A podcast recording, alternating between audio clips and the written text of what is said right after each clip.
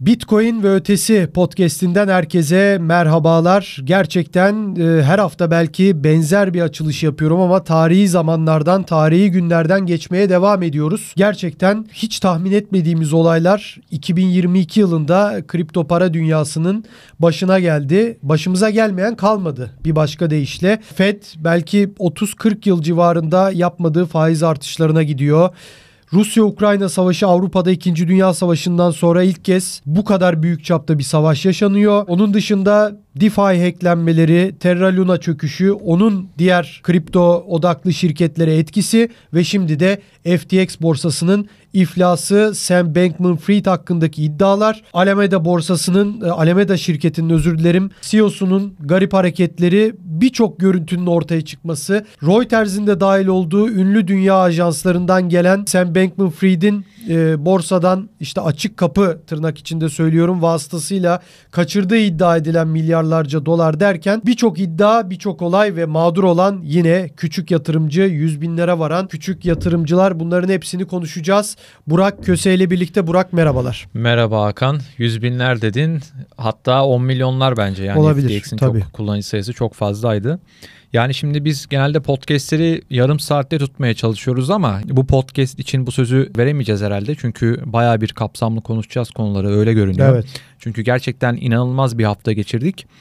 Yani son bir hafta özellikle herhalde bir ay gibi geçti yani bizim Tabii. için. Tabii. Biz bir de içeride o gelişmeleri takip ederken ben Doğru. ben yani ilk kez herhalde şöyle söyleyeyim yani 16 saat hiç durmadan mesai yaptığım Evet. bir gün oldu yani Evet. mesela ilk bu olay patlak verdiğinde. Gerçekten inanılmaz e, günlerdi ve hala da devam ediyor. Bundan sonra işte hafta içi bakalım neler olacak. Şimdi bir iflas süreci başladı FTX tarafında. Orada ne, ne gibi gelişmeler yaşanacak? Şimdi Reuters İki gündür zaten başka şeyler duyuyoruz o taraftan da. İşte 1 milyar dolarlık müşteri fonunun tamamen kaybedildiğine dair farklı farklı yeni gelişmeler yaşanıyor. Ve FTX'ten sonra bakalım bu hack hack olayı var. Onun dışında büyük iflas zaten Yani bir şöyle bir şey var. ayrıca. Bunlar bakalım zincirleme bir reaksiyonla, zincirleme bir Doğru. reaksiyonla Domino diğer taşı. diğer projeleri, diğer şirketleri nasıl etkileyecek? Mutlaka bir şeyler olacaktır. Onları göreceğiz. Sen istiyorsan gir araya Şimdi bir şey söylüyordun. tabii tabii yani o kadar çok konu var ki yani araya gireceğiz ama senin söylediklerinde önemli yani çok fazla detay ve genel büyük olayın yorumu da derken yani konuşacak o kadar çok şey var ki Evet. podcast hani yaparken umarım unutmayız bazı konuları yani çünkü not almaya çalıştım ben de zaten. Yani bazı konuları şimdi not aldık, çalıştık, baktık, konuşacağız ama şimdi bir konuya girerken onun içindeki diğer detayları konuşurken diğer önemli konuları umarım unutmayız. Öyle olursa da yani ilk defa artık. podcast'te laptopla katılıyorum. Tabii, evet. yani diğer notları unutmayayım diye aklıma bir şey gelir o an ararız Evet. falan. Şimdi her şeyi konuşacağız Evet. ama e, şöyle bir detayla da bakın. Bir e, SBF diyelim yani Sam Bankman-Fried diye uzatmak istemiyorum. Artık hepiniz tanıyorsunuz zaten. SBF diye konuşalım kısa olsun. Hani diğer nasıl Champagne Zao'ya CZ diyoruz, CZ diyoruz. Evet Hani buna de da. SBF diyelim rahat edelim. Şimdi oradan bir kere bir başlayalım. Ama şu var mesela bir hack olayı konuşuluyor. İddia galiba hala değil mi o? Hala bir kanıt yok ortada. Yani hack Bir de iddiası evet. SBF'nin arka kapı vasıtasıyla götürdüklerinden Evet. bahsediyor. Bence bunlar, ayrı bunlar- fonlar evet. galiba değil mi? Bunlara gireriz. Evet. Bence olayların nasıl başladığıyla Ha, başlayalım. tabii tabii hayır yok bir, bir dedin ya hani o da var anlamında ben onu Evet, merak evet. ediyorum. Yani Hack var. aynı mı bunlar acaba birlikte mi gitti birbiriyle bağlantılı mı? Yani hack adı altında SBF mi götürdü yoksa o hack ayrı SBF'nin götürdükleri mi ayrı o Yani merak şu an, ediyorum şu an Belli ilgili, hackle Evet. ilgili son iddia şey. Kraken'de bir güvenlik e, uzmanı hacker olan bir birisi şey demişti. Tespit ettik bu kişinin kim olduğunu. Tabii onu açıklamadılar. Neden Evet. açıklamadıklarını bilmiyorum şu anda. Belki Ama şirket içinden biriymiş. Evet. Yani onu biliyoruz. Şimdi tabii hemen başlayalım. O zaman tabii bu detaylara girersek dediğin gibi kaybolacağız. Ee, ama kaybolacağımız yere de bir baştan girelim. Bu olaylar nasıl başladı? Ne oldu? CZ bir tweet attı ve ortalık karıştı. Kendisi de Endonezya'da katıldığı bir panelde dedi ki konuşmasında ben bu kadar olacağını tahmin etmiyordum dedi. Senin fikirlerini ben çok merak ediyorum bu konuda. İkimiz de aslında birbirimize bu anlamda katkısı olan insanlarız. Sen işin e, kripto tarafından çok daha bilgili olduğun için bana göre o tarafta ayrı bir vizyonum var. Ben biraz daha işin küresel taraftan, politik tarafından bakmayı seviyorum. Oradan da biraz daha ben geniş açıdan bakabiliyorum. Kriptonun detayında boğulmadığım için daha geniş açıdan bak- bakabiliyorum ama senin fikrini merak ediyorum. Ne oldu da biz bugünlere geldik? Şimdi ben seni tam 3 sene önce geriye götüreceğim. Evet. Yani bu gerçekten gözümüzün önünde böyle bir çekişme varmış. Aslında biz çok farkında değilmişiz bunun. 2019 Eylül ayında Binance CEO'su CZ bir tweet atıyor.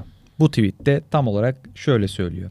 Küçük bir e, vadeli işlem borsasından platformumuza saldırmaya çalıştılar. Biz tabii bu platformun hangisi olduğunu biliyoruz. Herhangi bir sorun yaşanmadı ama tabii bir bir saldırı oldu açık ortada o dönemde. Yani Eylül 2019'dan bu yana sürekli demlenen bir gerilim varmış aslında Binance CEO'su ve Evet. e, CZ, CZ ile SBF arasında. Tabii ilginç olan Binance'te FTX yatırımı var Binance'in. Yani Binance başlangıçta ben de onun haberini o an yapmıştık hatırlıyorum yıllar önceden. FTX'e bir stratejik yatırım yapmıştı. Tabii onları da ilerleyen dakikalarda anlatırız tek tek. Olaylar aslında burada başlıyor. Yani Üç sene gerçekten öncesine dayanıyor. gerçekten tabii 3 sene öncesine dayanan bir durum var. SBF CZ'ye kafayı takmış. Bunu görüyoruz. Ve gerçekten Binance'in bu piyasadaki hegemonyasını alt etmek için Evet. canla başla bugüne kadar uğraşmış. Tabii olayların başlangıcı bu.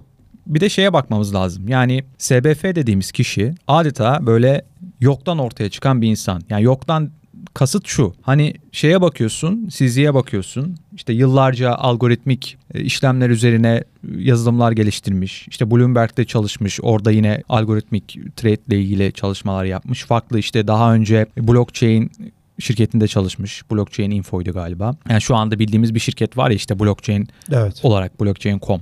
Orada çalışmış. OKEX'te geçmişi var. Yani kripto sektörün içinden gelen ki onun öncesinde de finans sektöründe gerçekten finansal teknoloji alanında çalışmış biri. SBF'ye baktığımızda biz yani son birkaç senede çok büyük bir medyada parlatma gördük SBF için. Yani kendisinin genius olduğundan, işte dünyanın en geç en zengin genç ismi olduğundan falan söz edildiği, sürekli manşetlere çıktı. İşte Bloomberg'den Reuters'e belki diğer bütün hemen hemen CNBC aklıma aklımıza gelen gelmeyen bütün medya kuruluşlarında gördük ismini. Burada açık bir şey vardı bence. Yani SBF'nin gerçekten gereksiz bir parlatma telaşı vardı onun için. Bunu şöyle Yani- bu konuda benim zaten içimin çok dolu olduğunu biliyorsun. Bu konuda seni kesmeyeceğim. Yani bu podcast'ten genelde ben hep senin sözünü kesiyorum. Bu tür konuşmayı da sevdiğim için podcast'i de yapmayı sevdiğim ben de için sana ama verecektim biraz Heh, sözü orada. Yok yok yani burada ben biraz daha az konuşmaya çalışacağım ama gerçekten bu konuda biz senle aylardır SBF konusunda kendi aramızda konuşuyorduk. Muhtemelen daha önceki podcastlerimizde de biz SBF'yi ciddi şekilde eleştirdiğimiz olmuştur. Evet ben yani hatırlıyorum. Sen- aradım ben birkaç Evet. tane bulamadım. Yani bütün podcastleri baştan dinlememiz lazım. Nerede SBF'den bahsettiğimizi bazılarını da hatırlıyorum ama Ha, birkaç podcast, Evet. birkaç YouTube yayınında ben senden duyduğumu hatırlıyorum çok defa. O ofiste yatıyoruz pozları. Evet. İşte Toyota'ya biniyorum pozlarından falan. e, Onları konuşuyorduk yani. Sen söylüyordun bunu sık Evet. sık. E, bu o da tabii bir e, medya operasyonuydu. Hepsinin fos Tabii. çıktığını gördük en son gelişmelerle Evet. birlikte. Şimdi sen çok güzel gidiyorsun. Kronolojik gidiyorsun ve çok basit anlatıyorsun. O yüzden ben senin sözünü kesmemek adına şurada hemen kendi fikrimi söyleyeyim bu medya parlatması ile ilgili. Şimdi medya parlatması tabii ki olabilir. Her konuda olabilir ama SBF'de senin dediğin gibi çok böyle mantık dışı, anormalce bir parlatma oldu. Şimdi dediğin gibi CZ dediğin adam ya da CZ diyelim. Türkçe'de de CZ'de ama ben CZ diye şey olmuş. Şimdi dediğin gibi bir geçmişi var. Şimdi bu adamı biliyoruz hikayesini. 2014'te evini satmış Bitcoin almış. Bitcoin aldıktan sonra işte 1000 dolarlardan 200 dolarlara düşmüş falan. Adam bunları yıllardır anlatıyor.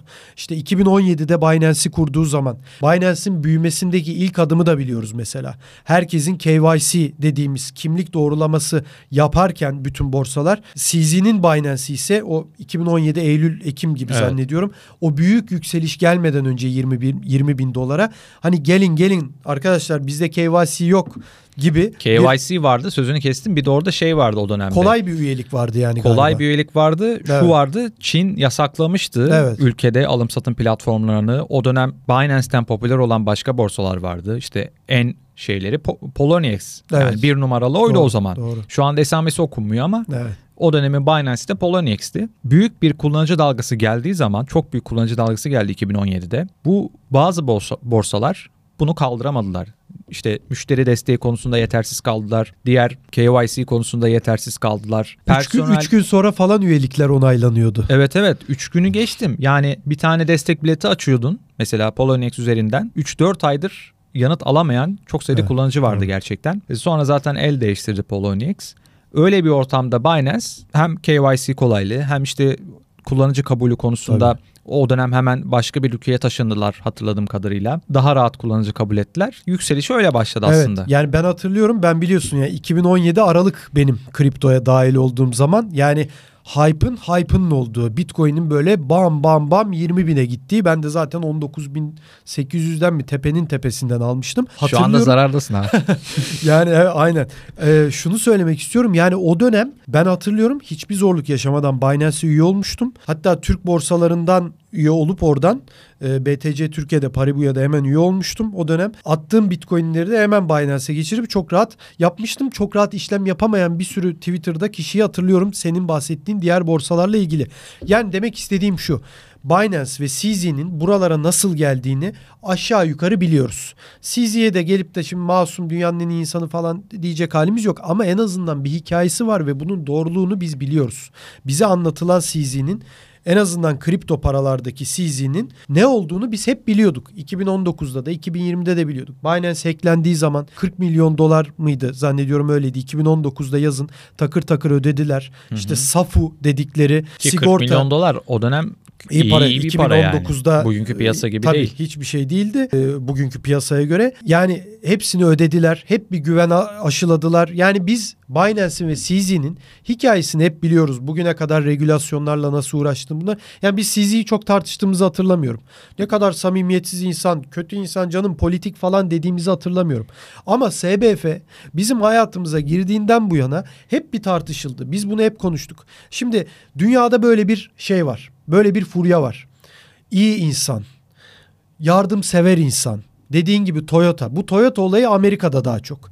Ben Amerikan kültürünü ucundan bilen bir insan ama bu Toyota konusu herhalde Toyota biraz daha orta sınıfın altı mı oluyor Amerika'da nedir bilmiyorum ama Toyota ve Honda. Ya bu Japon arabaları biraz fazla hep 90'lı yıllardan beri Amerika'da tartışılır. Hep bir ucuz araba, ucuz kalitesiz araba araba için daha çok işte tabii Amerika'da ne bileyim Impala diye bir kültür var. Chrysler'ler işte o Jeep'ler büyük şeyler hep öyledir. Chevrolet'ler. Chevrolet'ler aynen işte bunların bir kültürü var. Toyota Honda biraz da işte o Dogecoin'in kurucusu da zannediyorum değil mi? İkinci Evet. el aldığında o da Orada mı? bir Toyota hikayesi bir, bir. Toyota mı Honda mı yani bir Japon arabası var. Yani Honda bunu- Civic pardon. Ha, işte bir Japonları küçümsemek için söylemiyorum. Amerika'da böyle bir Japon Japon arabanın orta sınıf ve onun altı şeyi var. Böyle bir kültür var yani ucuz oldu mu şey. Hatta Jeff Bezos için de 90'larda ilk büyüdüğü zaman 2000'lerin başında röportaj yapıldığı zaman arabanın içinde gidiyorlar. Ya diyor ki adam hani o röportajın görüntüleri çıkar arada bir TikTok'ta Twitter'da.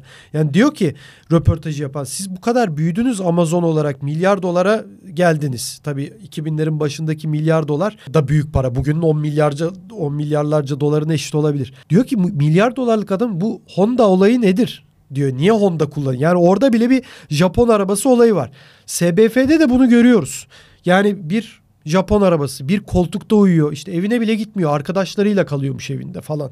Yani işte 30 yaşında genç böyle hafif göbekli işte elinde cips e, veya e, işte böyle e, kola falan içiyor. Her taraf ekran işte yatıyor. Yani çok Kendini il- ilginç. işe adamış ya orada da bir adanmışlık var. Yani Evet. kendini kriptoya adamış. Orada onu görüyoruz.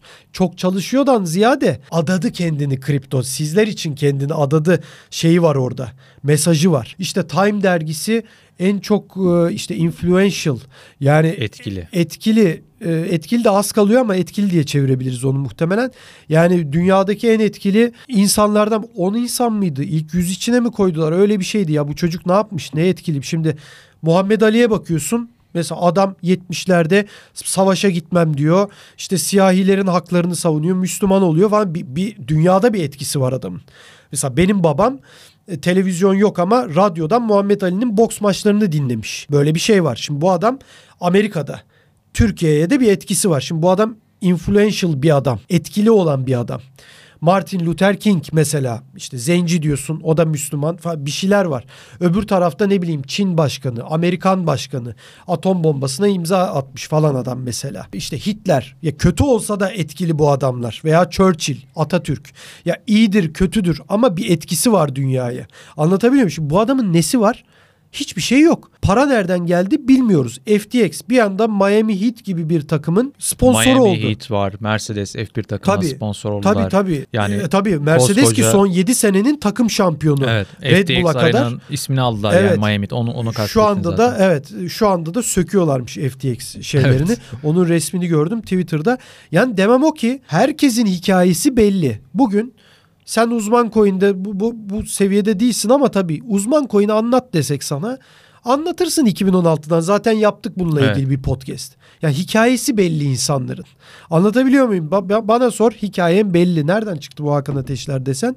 İşte anlat, anlatırız yani değil mi? 2017'de Bitcoin diye bir şey varmış. Gördük ettik. Bu herkesin hikaye bu adamın hikayesi belli değil. Yani bir anda demokratlara bir milyarlarca dolarlık bir destek nereden geliyor belli değil. Niye demokratlar o da belli değil. 30 yaşında bir çocuk. Nereden çıkıyor belli değil. Yani Yani demok Evet, sen çok devam et. bitireceğim, bitiriyorum çok çok az. Dünyada böyle bir moda var. Böyle bir iyi insan, iyilik yapacak. İşte SBF içinde servetinin Evet, evet. %95'ini bağışlayacakmış. %99'u galiba hatta. Onun bir adı vardı İngilizce'de de. Altruizm diye zannediyorum. Bir bağış şeyi, bağışlama isteği. Yani milyarlarca doların olacak. Sen onu çok affedersin. Çok affedersin ama sen bugün uzman coin'in kurucususun. Ceylan'la birlikte eşin. Şimdi sen bu uzman coin'i işte siz küllerinden şey yapmışsınız, büyütmüşsünüz, buralara getirmişsiniz. Şimdi bu kadar yaptın, sen bu kadar çalışacaksın, edeceksin. Neyin var, neyin yok? Uzman coin dahil. %99'unu bağışlar mısın sen? Bağışlamam açık söyleyeyim. Bağışlamazsın. Ben de bağışlamam. Kimse bağışlamaz. Böyle bir dünya yok. %99'unu bağışlayacakmış. Altruizmmiş bilmem neymiş. Yani milyarlarca doların olsun fark etmez. 100 bin doların olsun. Sen çatır çatır çalışarak gidip de sen e, emeğini harcayarak zamanın işte 16 saat mesai yaptın. Gece gündüz çalışıyorsun. Bir sürü şey yapıyorsun. Tweet atıyoruz onu yapıyoruz. Bütün bu emekleri verdikten sonra bir para kazanacaksın. Onun bunun ne kadar ol- olduğunun bir önemi yok. Para burada değil. Burada senin verdiğin emek, zaman önemli. Bunları gideceğim bağışlayacaksın. Yok öyle bir dünya. Yani bir Hex coin diye bir saçma sapan bir coin var ya Evet. Richard Hart. Evet. Saçma sapan böyle Louis Vuitton falan giyiniyor. Böyle eşofman gibi bir şeyi burada L yazıyor. Altında da V yazıyor falan böyle. Kocaman bir görgüsüzce bir adam. O adam SBF'den daha dürüst bir adam bence. En azından adam parayı buldum harcıyorum diyor. Bu adam SBF milyarlarca doları var. Neyi harcıyor yani göya bağış yapacakmış. Son olarak şunu söylüyorum. Dünyada ve Türkiye'de de bu var. Her ülkede göre değişiyor. Bizde de mesela bu kedi mamaları, köpek mamaları, insanların hayvan sevgisi üzerinden mama falan onlar da bizim dostumuz falan. Tabii ki dostumuz da yani mamalar üzerinden çok ciddi paralar dönüyor Türkiye'de de. Hiç istemiyordum bu örneği vermek ama bu SMA hastaları üzerinden çok ciddi paralar dönüyor. Bunlarla ilgili duyduk. Gerçekten hasta olmayan çocukların hastaymış gibi gösterilerek insanların duyguları sömürülerek paralar alındığını, paralar toplandığını biliyoruz.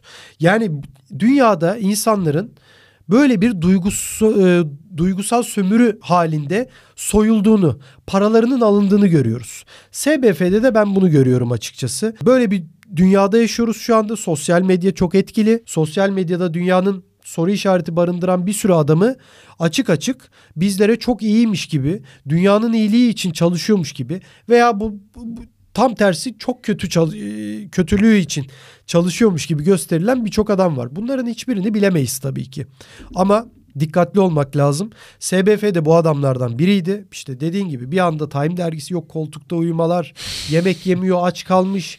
İşte Bahamalarda Yemek yemiyor kısmı doğru olabilir ama sen biliyorsun tabii. Türkiye'de şu anda SBF ile tek röportaj yapan kişi sensin. Bu arada izlemeyenler için E, YouTube'dan izleyebilirler. Tabii. Orada mesela tabii biz onu görüntüyü vermedik ama bisküviyle falan başlıyordu yayının başlangıcında Tabii. bisküvi yiyerek Tabii besleniyordu. tabii. Yani çok bir, bir şeylik var, bir gariplik var açıkçası. Onu söyleyelim. Ama dediğimiz gibi ben burada bitiriyorum artık. Böyle bir dünyada furya var şu anda. Evet. İşte Elon Musk için de aynısı söyleniyor. Elon Musk'a kötü insan, iyi insan demiyorum ama işte yok ifade özgürlüğü için geldi falan. Bu konuda bazı şeyler var. Hepimiz tartışabiliriz bunları ama böyle herkesi bir anda çok iyi, bir anda çok kötü. İşte Elon Musk olmasa Twitter'da ifade özgürlüğü. Yani geçin bu işleri. Bunlar hani yüz milyarlarca doları olan ve politik insanlarla da konuşan insanlar. Dolayısıyla hani burada bu tür e, ajitasyonlara olumlu ve olumsuz gelmemek lazım. SBF'de bu çok netti. SBF'de bunu hakkımızı verelim. Türkiye kamuoyunda da artık hepimiz akıllandık. Sosyal medyayla artık bu Amerikan kültürünün filmler üzerinden. Yani bu Rambo ile başlar. 80'lerde hani e, Rambo yine orada Amerikan adına değil mi gider işte Afgan masumlara yardım eder e, Sovyet acımasız Sovyetlere karşı. Bu o dönemden başlamıştır. Rocky ile devam etmiştir. Acımasız soğukkanlı bir Rus boksör Rü gidip Rocky değil mi Moskova'da yenmiştir falan Rus askerleri bile alkışlamıştır. Ki o dönem daha masumhaneydi en azından Amerikan propagandasıydı. Şimdi bambaşka bir dünyadayız böyle garip zamanlardayız. Dikkatli olmak lazım.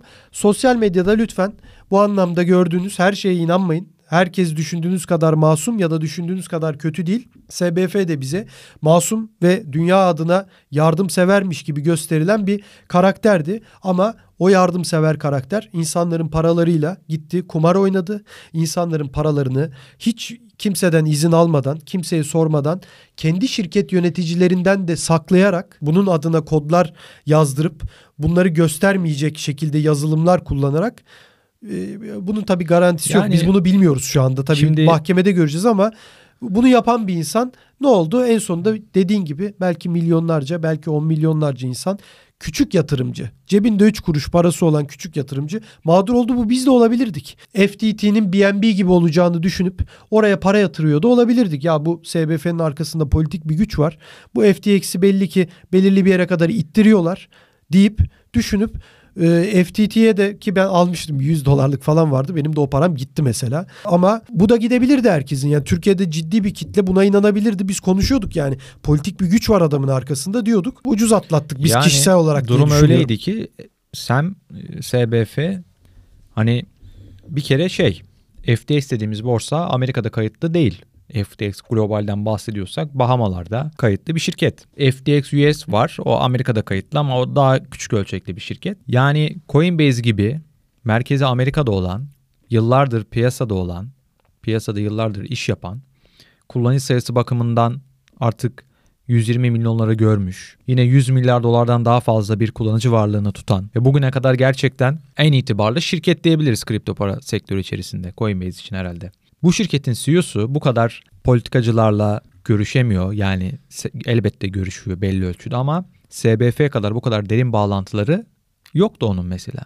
Bu da enteresan. Tabii. SBF'ye böyle SEC'den kapılar açılırken Washington'da ben e, randevu alamadım diyordu Armstrong. Evet yani o, o çok enteresan zaten ki ona da geliriz. SEC ile ilgili ciddi iddialar var. Bir tane e, Evet. Amerikalı senatörün ondan da biraz bahsederiz. Şimdi seni ben çok soğuklandırmayacağım. Yani özellikle politika tarafına geliyoruz işin yavaş yavaş. Şimdi SBF'nin enteresan bağlantıları var. Bundan söz etmiştik. Zaten ailesi de babası, annesi demokrat. İşte biliyoruz ki Biden'ın kampanyasına yaptığı bağışı ki bağışı yaptığı dönemde en çok bağış yapan isimdi. Sonra ona geçtiler ama en çok bağış yapan isimlerden biriydi. Hatta hatırlarsın şey demişti. Biden'ın kazanması için 1 milyar dolara kadar harcayabilirim gibi bir açıklaması da olmuştu yani. 1 ila 20 milyar dolara kadar. var, Yani tabii. açık e, şeyde marjda Çok, çok, fazla. garip bir marj. Yani 1 de olabilir 20 de olabilir. Bu nasıl bir yorum yani nasıl bir taahhüt bu? Yani biz de sende konuşuyoruz mesela. Hani bu podcast'in belirli bir saatini belirliyoruz ya mesela sen diyorsun ki 7'de gel. Ben de derim ki sana erken gelirim. Yarım saat gecikebilirim 7 ile haberin 12 olsun şimdi arası. deyip de hani 4 saat sonra gelirim der miyim yani onun işi olduğunu.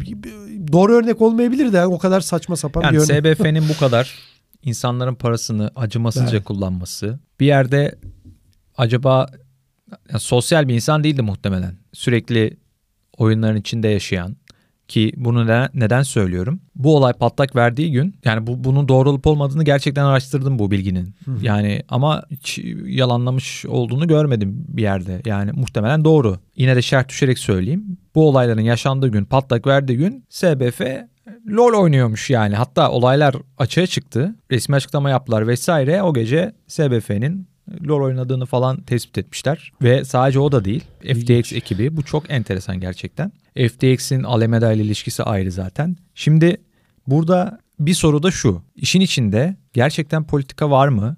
Varsa ne boyutta? Tamamen mi politika var işin içinde? Yani yıllarca SBF'nin bu şekilde parlatılması kripto para sektörüne karşı politik bir hamle miydi? Ben de sana bunu sorayım şimdi. Şimdi tabii bunu yani konuştuklarımız farazi yani bilmemizin imkanı yok. Ama şu politikanın kesinlikle işin içinde olduğunu düşünüyorum. Politika paranın olduğu her yerde vardır.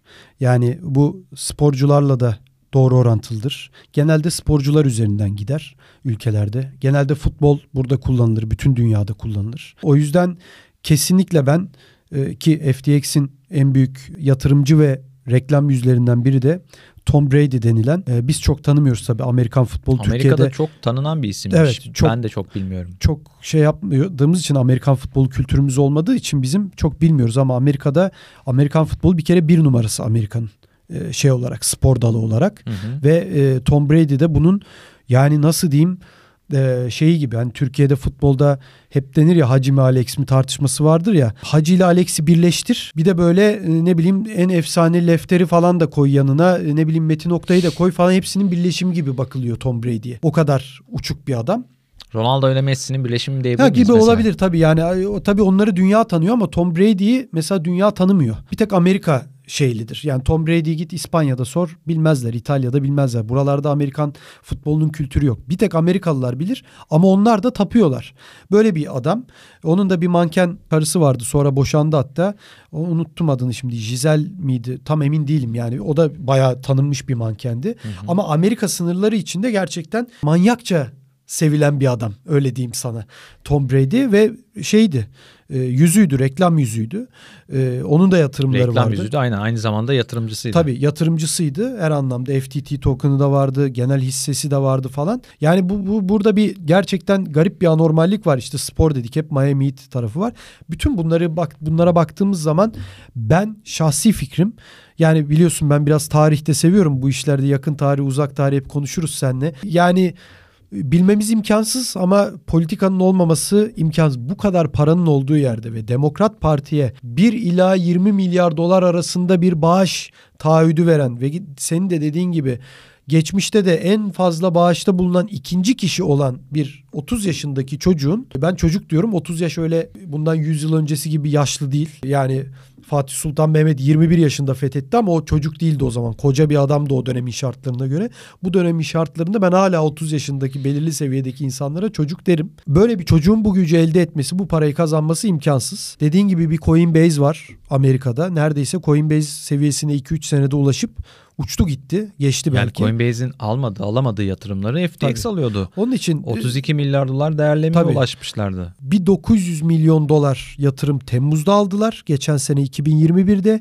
Bir de Kasım'da zannediyorum bir 400 almışlardı.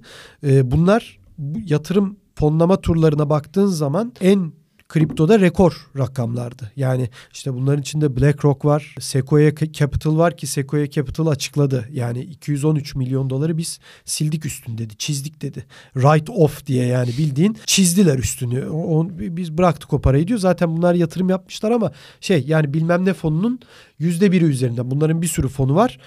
Yüzde biri üzerinden, yüzde üçü üzerinden o para zaten çok büyük bir onların şeyinde yüzdeye vurduğun zaman çok büyük bir kayıp değil onlara göre. Ama kaybın boyutu da bu 200 milyon dolar falan. Bir sürü işte Singapur'un en büyük devlet iştiraki falan var. Ama bu, burada bütün bunlara baktığın zaman politik şey olmaması mümkün değil. Burada benim attığım bir tweet vardı.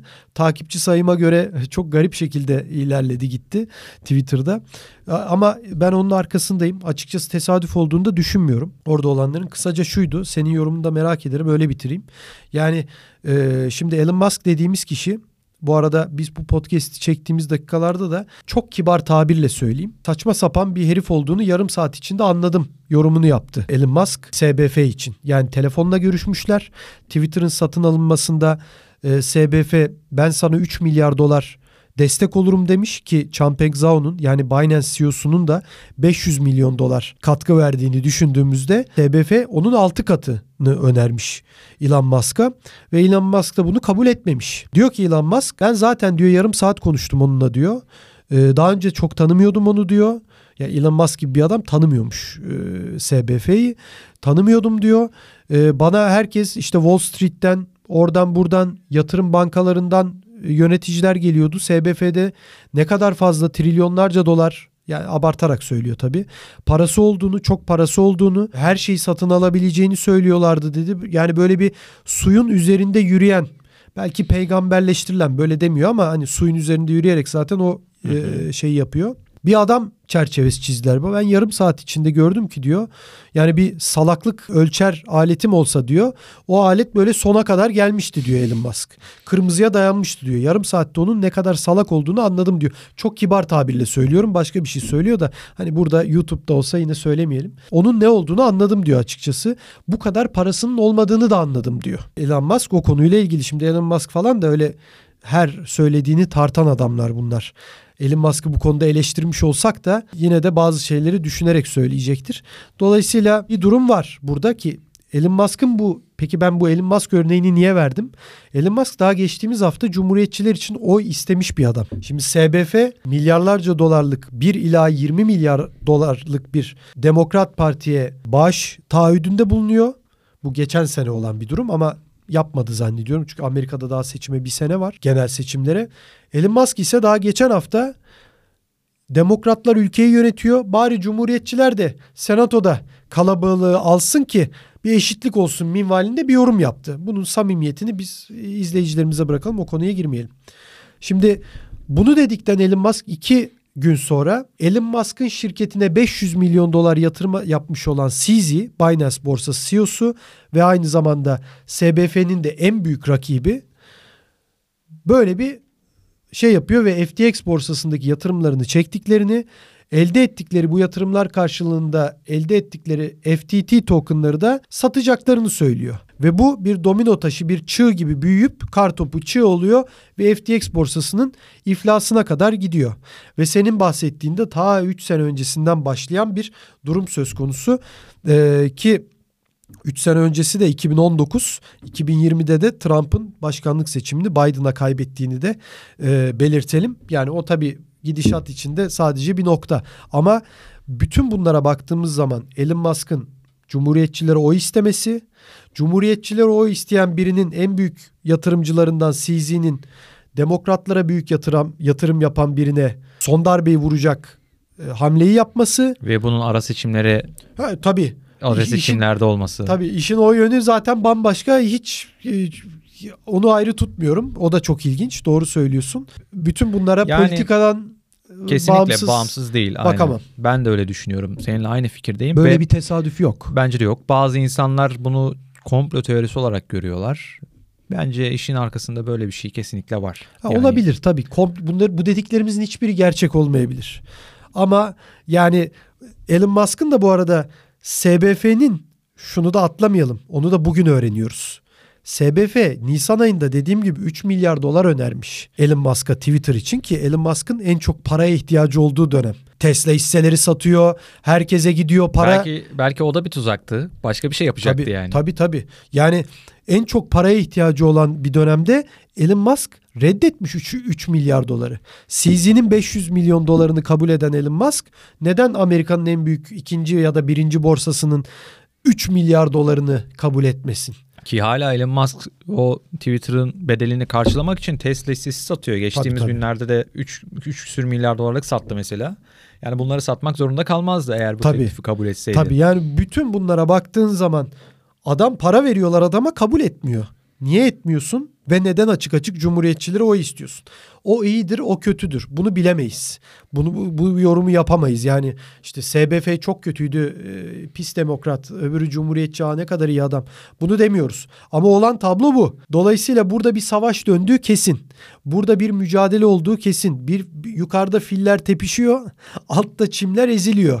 Bu net. Ama kim iyi fil, kim kötü fil onu bilmemizin tabii ki imkanı yok. Bu konuya da girecek halimiz yok zaten. Ama tablo, çerçeve genel manada baktığın zaman bu. Bundan izleyicilerimiz artık mesajı çıkarsınlar ki doğru diye de bir iddiamız yok açıkçası. Evet, Biz evet. bu böyle olabilir diyoruz. Yoksa nereden Ve bileceğim ben şunu canım? da ekleyelim bence.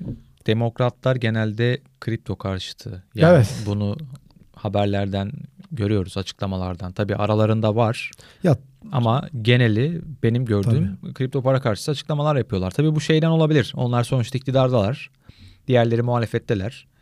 Yani kriptoyu destekleyecekler tabii ki onların şeyine karşılık ama böyle de bir boyutu var işin. Sen Tabii. biraz CZ'den bahsettin. Tabii e, biraz da ondan konuşalım. Şimdi CZ'nin bu olayda bir rolü var. evet.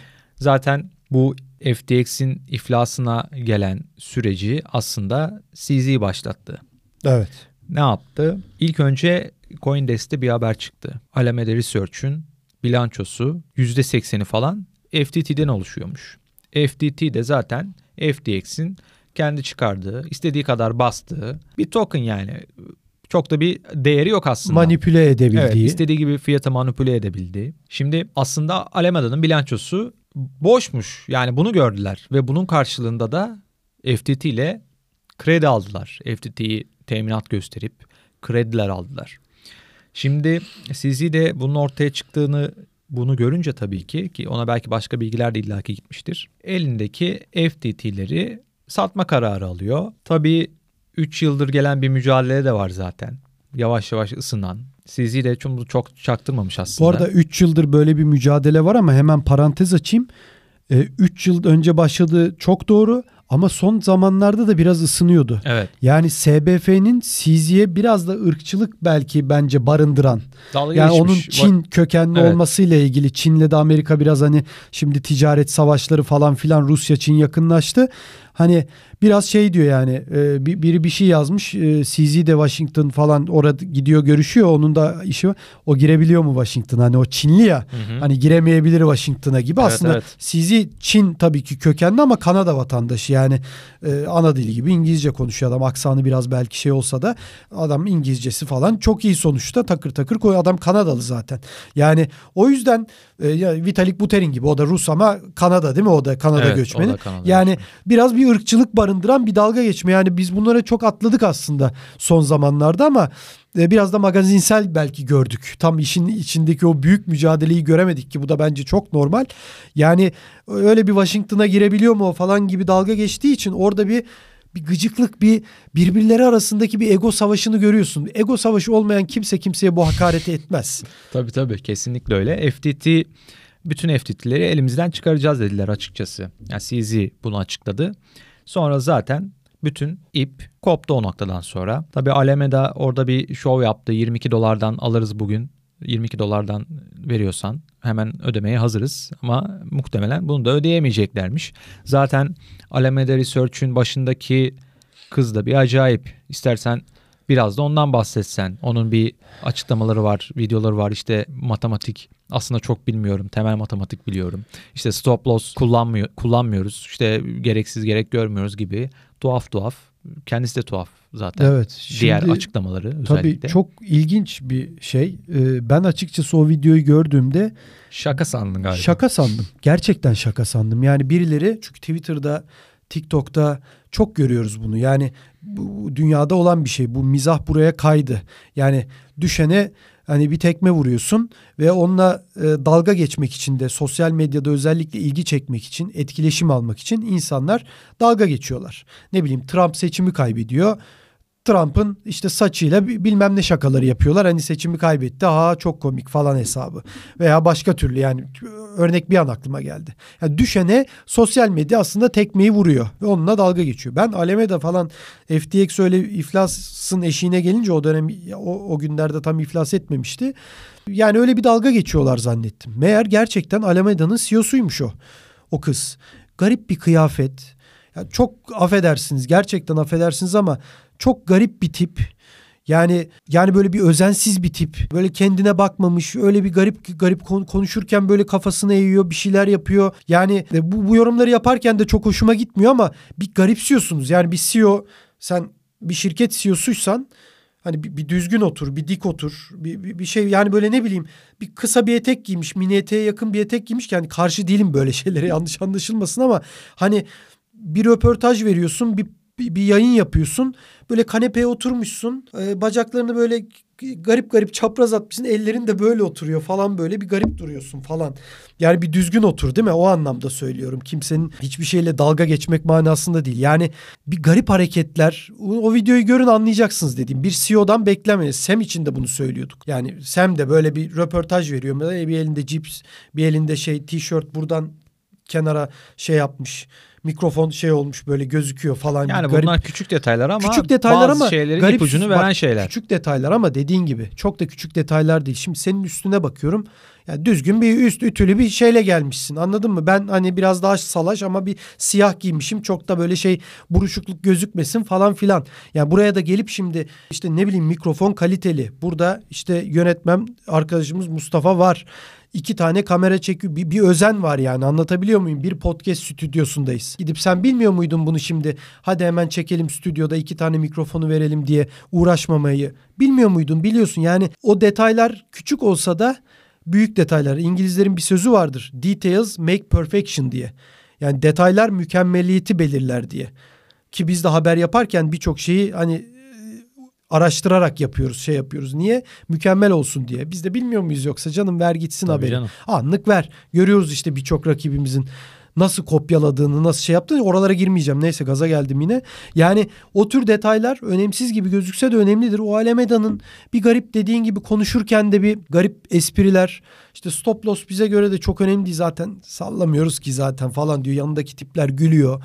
Ee, yani bunlara bakınca açıkçası insanların fonlarıyla, varlıklarıyla neler yaptıklarını hayal bile edemiyorum. İşin içinde başka işler de var. Yani böyle bir çok affedersiniz ya bu yorumları yapmak da istemiyorum ama ya böyle salak tipler de yani bu kadar CEO'luk falan yapıyorlarsa bu işin arkasında başka bir iş vardı. Ya bu, bu salakları koymuşlar. Siz bizim ne istiyorsak onu yapacaksınız demişler. Bunlar da Biraz da paralanmışlar, şımarmışlar. Luna Park gibi oynamışlar. Luna Park gibi ahır derler ya Türkçe'de bir şey vardır. Ya ahıra çevirdiniz burayı diye. Ahıra çevirmişler oraları ve milletin şeyleriyle birkaç yöneticisi de var profesyonel belli ki bu şirketlerin. Onlardan da saklamışlar. Böyle gitmiş bu iş gibi geliyor bana. Türkiye'de de vardır öyle. Çok şirket vardır. Sen böyle büyük zannedersin. Evet. Hani bir laf vardır bizde. X diyeceğim şimdi o şirkete. Koca X ya düşünebiliyor musun? Koca X şirketi olur mu? Ya koca X şirketi oluyor işte yani koca koca adamlar nasıl yapar? Bu hep Türkiye'de de duymuşuzdur yani. Batan bankalar, kaçanlar falan geçmişte de vardır. Yani şaşırmadım ama garipsedim de yani hep bir eskiden de geçmişte de bir yalanın bile bir şeyi vardır ya. Hani hırsız şey dersin herif yani bir dolandırıcıdır ama bir kravat takar tıraşın olur. Yahu hiç beklemezdik denirdi eskiden. Şimdi bakıyorsun o, o da şey değil onun da seviyesi düşmüş yani. Şimdi biraz hızlanmamız lazım evet. aslında. Evet, sen bana çok söz veriyorsun. Evet. Ben gaza evet. geliyorum bunu yapmamak lazım. Şimdi şu var bu noktada artçıları gelir mi bu konunun? Elbette gelir. Bundan sonra bazı şirketlerin hafta içi özellikle bekliyorum ben birkaç şirketten. Biz işte battık diye açıklama yapacağını göreceğiz bence. Bir şekilde birkaç şirket böyle duyacağız. Yani bunlar küçük çaplı şirketler mi olur? Orta çaplı mı olur? Daha bundan sonra büyük çaplı bir borsadan böyle bir şey görür müyüz? Bunu bilemeyiz elbette. Şimdi borsaların iç işlerinde neler dönüyor bunu bilmiyoruz. Ama bir şeyler olacak bu belli. Tabii bir de Bitcoin'e gelelim yavaş yavaş. Tüm bu konuların Bitcoin için anlamı ne? Elbette fiyatta bir düşüş yarattı. Ama aslında bu kadar büyük olaya rağmen çok da düşmedi. Yani %10'luk gibi bir geri çekilme yaşadı Bitcoin. Daha fazlası da olabilirdi belki. Yani daha önceden bu senaryoları biz konuşuyor olsak Bitcoin'in 10 bin dolara düşe- düşeceğini belki söylerdik. Ama şu anda fiyat 17 bin dolara yakın seviyelerde seyrediyor. Bir kere insanlar acaba bu saatten sonra şunu öğrenecekler mi? Çünkü yıllarca öğrenmediler. Çünkü daha önce birçok borsa battı, hacklendi. Türlü türlü olaylar oldu. Yani bu çapta değil ama çok yaşadık benzer durumları. Ve hala borsalarda Bitcoin tutmaya, kripto paralarını orada saklamaya devam ettiler. Ama bu FTX olayı bence çok iyi bir bu anlamda insanlara tırnak içinde ders oldu diyeyim. Gerçekten oradaki bak gözüken bakiyelerinin bir karşılığı olmadığını görmüş oldular. Evet. Umarım bundan sonra bu anlamda farklı düşünürler. Bitcoin'lerini özellikle borsalarda değil kendi cüzdanlarında saklarlar. Bitcoin'i... Özellikle Bitcoin için bu çok önemli. Evet. Yani şu Bitcoin'i senin de benim de dilimizde tüy bitti. Kardeşim şu Bitcoin'le trade yapmayın. Al Bitcoin'i az al. Allah için şunu az alın. Az alın ama öz alın uzun vadeli tutun. Yani bugün işte 50 bin lira koyayım yarın satarım. Ya şunu alın az alın ya tutun kenarda bakarsınız 3-5 sene sonra. İşte benim para ihtiyacı ya herkesin para ihtiyacı var. Yapmayın etmeyin. Ben altcoin alın, almayın da demiyorum. Alabilirsiniz yatırım yapın alın satın belki bildiğiniz kadar bilgi. Ama bitcoin'e şuna uzun vadeli baksanız zaten soğuk cüzdana atacaksınız. Soğuk cüzdana attıktan sonra da zaten hem güvenlik altına almış oluyorsun hem gece rahat uyuyorsun. Yani bizim en güzel seninle konuştuğumuz şey buydu. Yıllardır söylüyoruz yani. Rahat uyuyoruz biz gece. Kusura bak benim de FTX'te param gitti yani söyleyeyim. 300-500 dolarda hatırlamıyorum. Geçen sene yani yükselişte satmıştı. Almıştım. Ama yani belki tüm portföyünün %0.5 %1'iyle tabii, yani tabii, tabii. yapmışsın bu işi. Tabii tabii.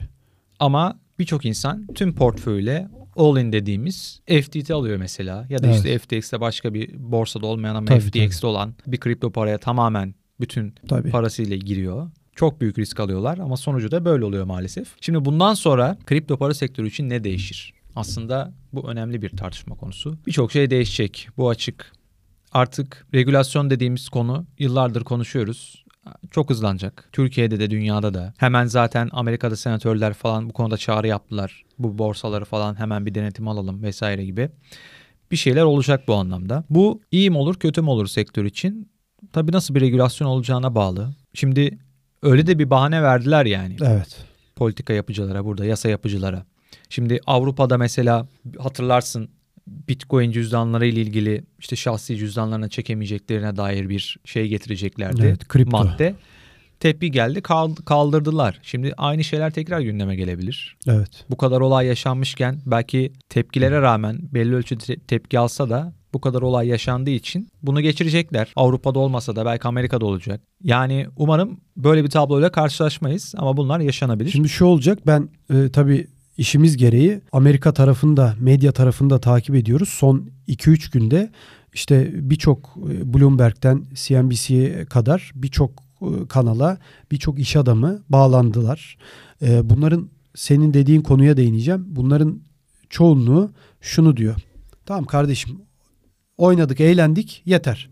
Regülasyonu getirin ve bu işi bitirin. Şimdi iş adamları bunu söylemeye başladılar. Çünkü iş adamları da Amerika'da belirli tabii iş adamları kripto para şirketlerine ciddi yatırımlar yapıyorlar. Para kaybedenler var FTX'ten falan filan. Zaten anlattık BlackRock bile öyle ya da böyle birkaç e, dolar koymuş. Şimdi şu, bu insanlar özellikle işin para tarafı, işin sermaye tarafı senin dediğini söylüyor. Hadi kardeşim para kaybettik. Çok büyük paralar kaybetmedik. Bizim portföyümüzün işte yüzde beşi, yüzde onu, yüzde biri. Ama bu regülasyonu getirin diyorlar. Genel minvali bu. Genel şeyi anlamı bu. Herkes bunu söylüyor. Bu dediğin olacak. Ve politikacılarda da büyük baskı olacak. Bir tanesi şey dedi hatta Kevin O'Leary var Kanadalı o şey büyük bir, çok e, izlenen bir programın evet, da şeyi. FTX yatırımcısıydı galiba. Tabii tabii o da FTX. Ben de diyor para kaybettim şey diyor. FTX için kriptonun JP Morgan'ı diyen adam evet, oydu galiba. Evet.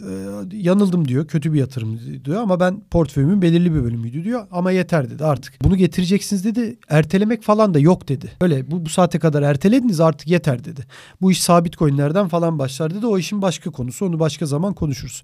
Ama işin sermaye tarafı ki Amerika herhalde bu işin bir numarası dünyada. Para tarafı artık regülasyonu getirin diyor. Benim sana sorum şu. Şimdi Bitcoin'i yine burada ayrı tutacağız herhalde. Niye? İşte Gary Gensler bile ne diyor hep? Bitcoin menkul kıymet değildir diyor.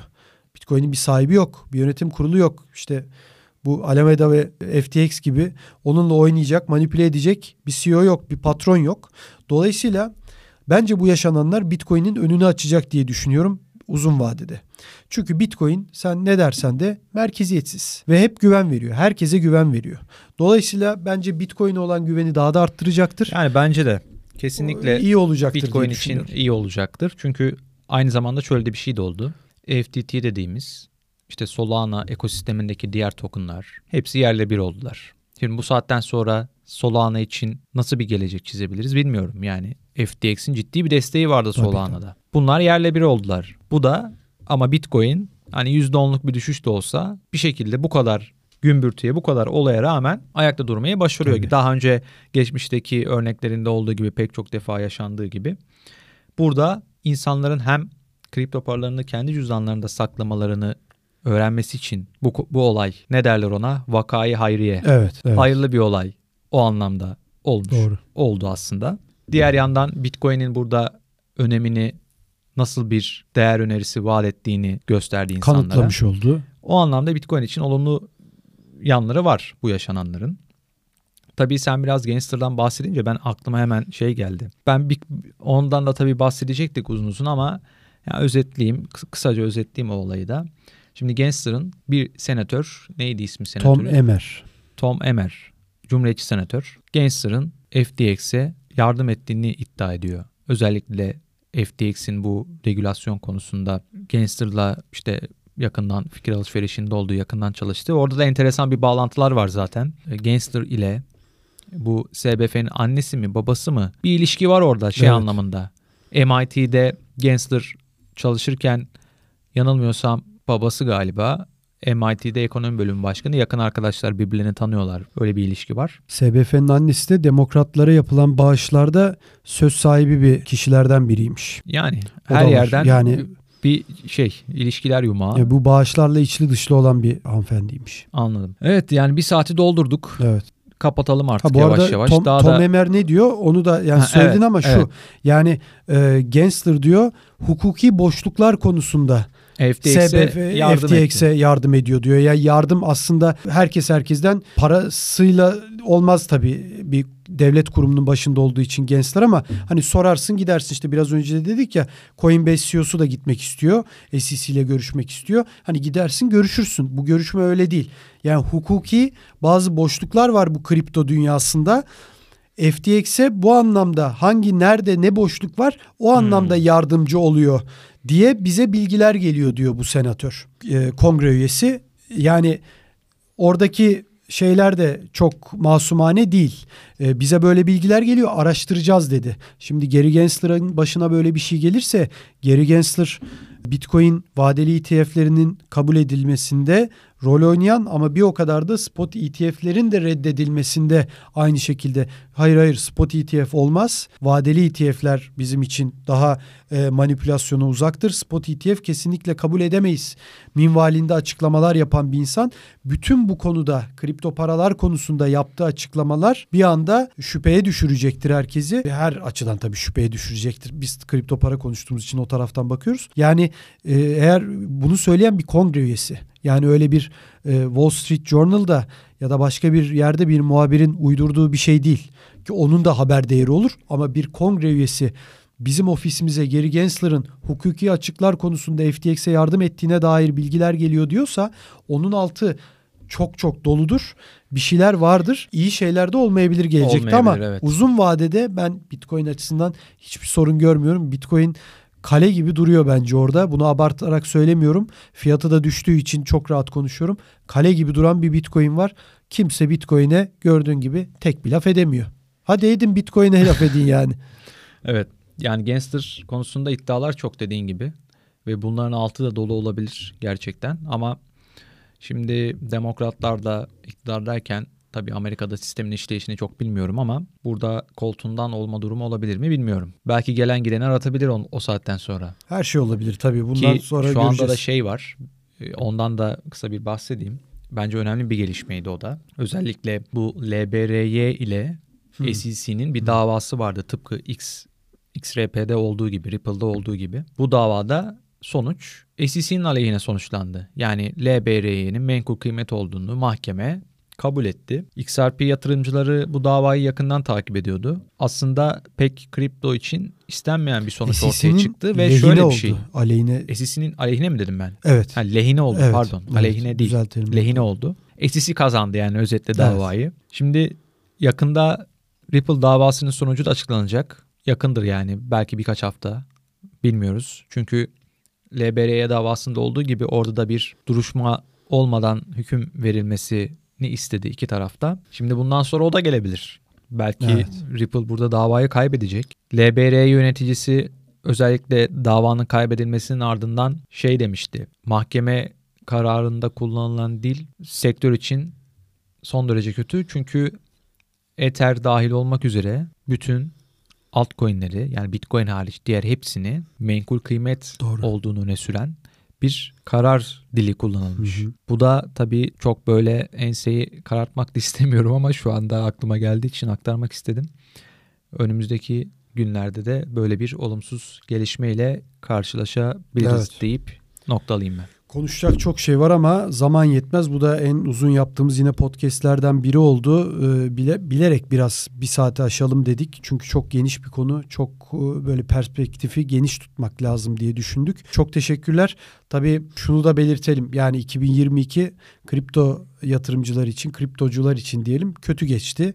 Ama zaten çok büyük bir bölümünü geride bıraktık. Programın başında da açtığım gibi, söylediğim gibi. Fed 30-40 yılın en yüksek faiz arttırımlarına gitti. Yani 3 4 kere üst üste 75 bas puan arttırdı. Savaş çıktı. Terra Luna battı. FTX battı. Bunların etkilediği bağlantılı şirketler ya battı ya iflas e, mahkemesine gittiler ya iflasın eşiğinden döndüler. İşte Three Arrow Capital'lar falan.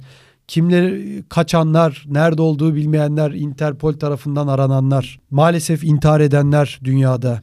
Ee, Güney Kore başta olmak üzere. Bu arada bu FTX sözünü kestim ama FTX olayı patlak verince hem bu Three Arrow Capital olayları hem Luna bunlar da biraz şey olmaya başladı yani. Daha böyle basit olaylar gibi gelmeye başladı. Bunların bu olaylara neden olan insanlar da konuşmaya başladılar. Tweet Evet, atmaya başladılar. Çeneleri açıldı. Evet. Yani bir, yine onlar da bir masum ayaklarına e, affedersin yatmaya başladılar. E, ama işte böyle yani bunlara inanmayacaksınız. Çok fazla e, yani yatırımı iddia gibi göreceksiniz. Ben hep söylüyorum bunları. Yapabilirsiniz. E, yani artarsa da herkesin cebine yakışır ama o kadar. Yani Bitcoin'de bir tutmamak lazım ama dediğin gibi çok doğru. Hepsi böyle bir yorumlar, bir özgüven geldi hepsine. Ya işte e, çok kötü her şey geçmiş olsun gibi gibi böyle fazla fazla konuşmaya başladılar ama çok da masum değillerdi onlar. Onu belirtelim. Yani şunu demek istiyorum. Bu kadar olay yaşandı. Üstümüzden tır geçti. Silindir geçti. Ama öyle ya da böyle işte bu günlerde geride kalacak ve iyi günler gelecek diye ben düşünüyorum. Özellikle Bitcoin açısından Bitcoin'in değerini küçümsemeyin. Bitcoin o kadar işte altcoin'ler 10 kat artıyor. Bitcoin 2 kat artıyor gibi değil. Bu işin altında çok daha fazla değer var. O yüzden lütfen onu da küçümsemeden yatırımlarınızı bakın hani çok daha bu anlamda bu yaşanmışlıklar üzerinden ders alarak yapmaya çalışın diyelim. Çok teşekkürler Burak sana da. Ben teşekkür ederim. Evet bir saatlik podcast'i geride bırakıyoruz. Tarihi yayınlardan birini yaptık bu tarihi günlerde. Yine uzun tuttuk. Yine belki biraz fazla konuştum ben ama e, her anlamda e, hem sizlerin e, bakış açısını genişletmeye hem kendimiz birbirimize bakış açısı anlamında katkı vermeye çalıştığımız bir yayın oldu bu. Onu geride bıraktık. Bizi izlediğiniz te- için teşekkür ediyoruz. Gelecek podcastlerde ve yayınlarda görüşmek dileğiyle herkese iyi haftalar diliyoruz.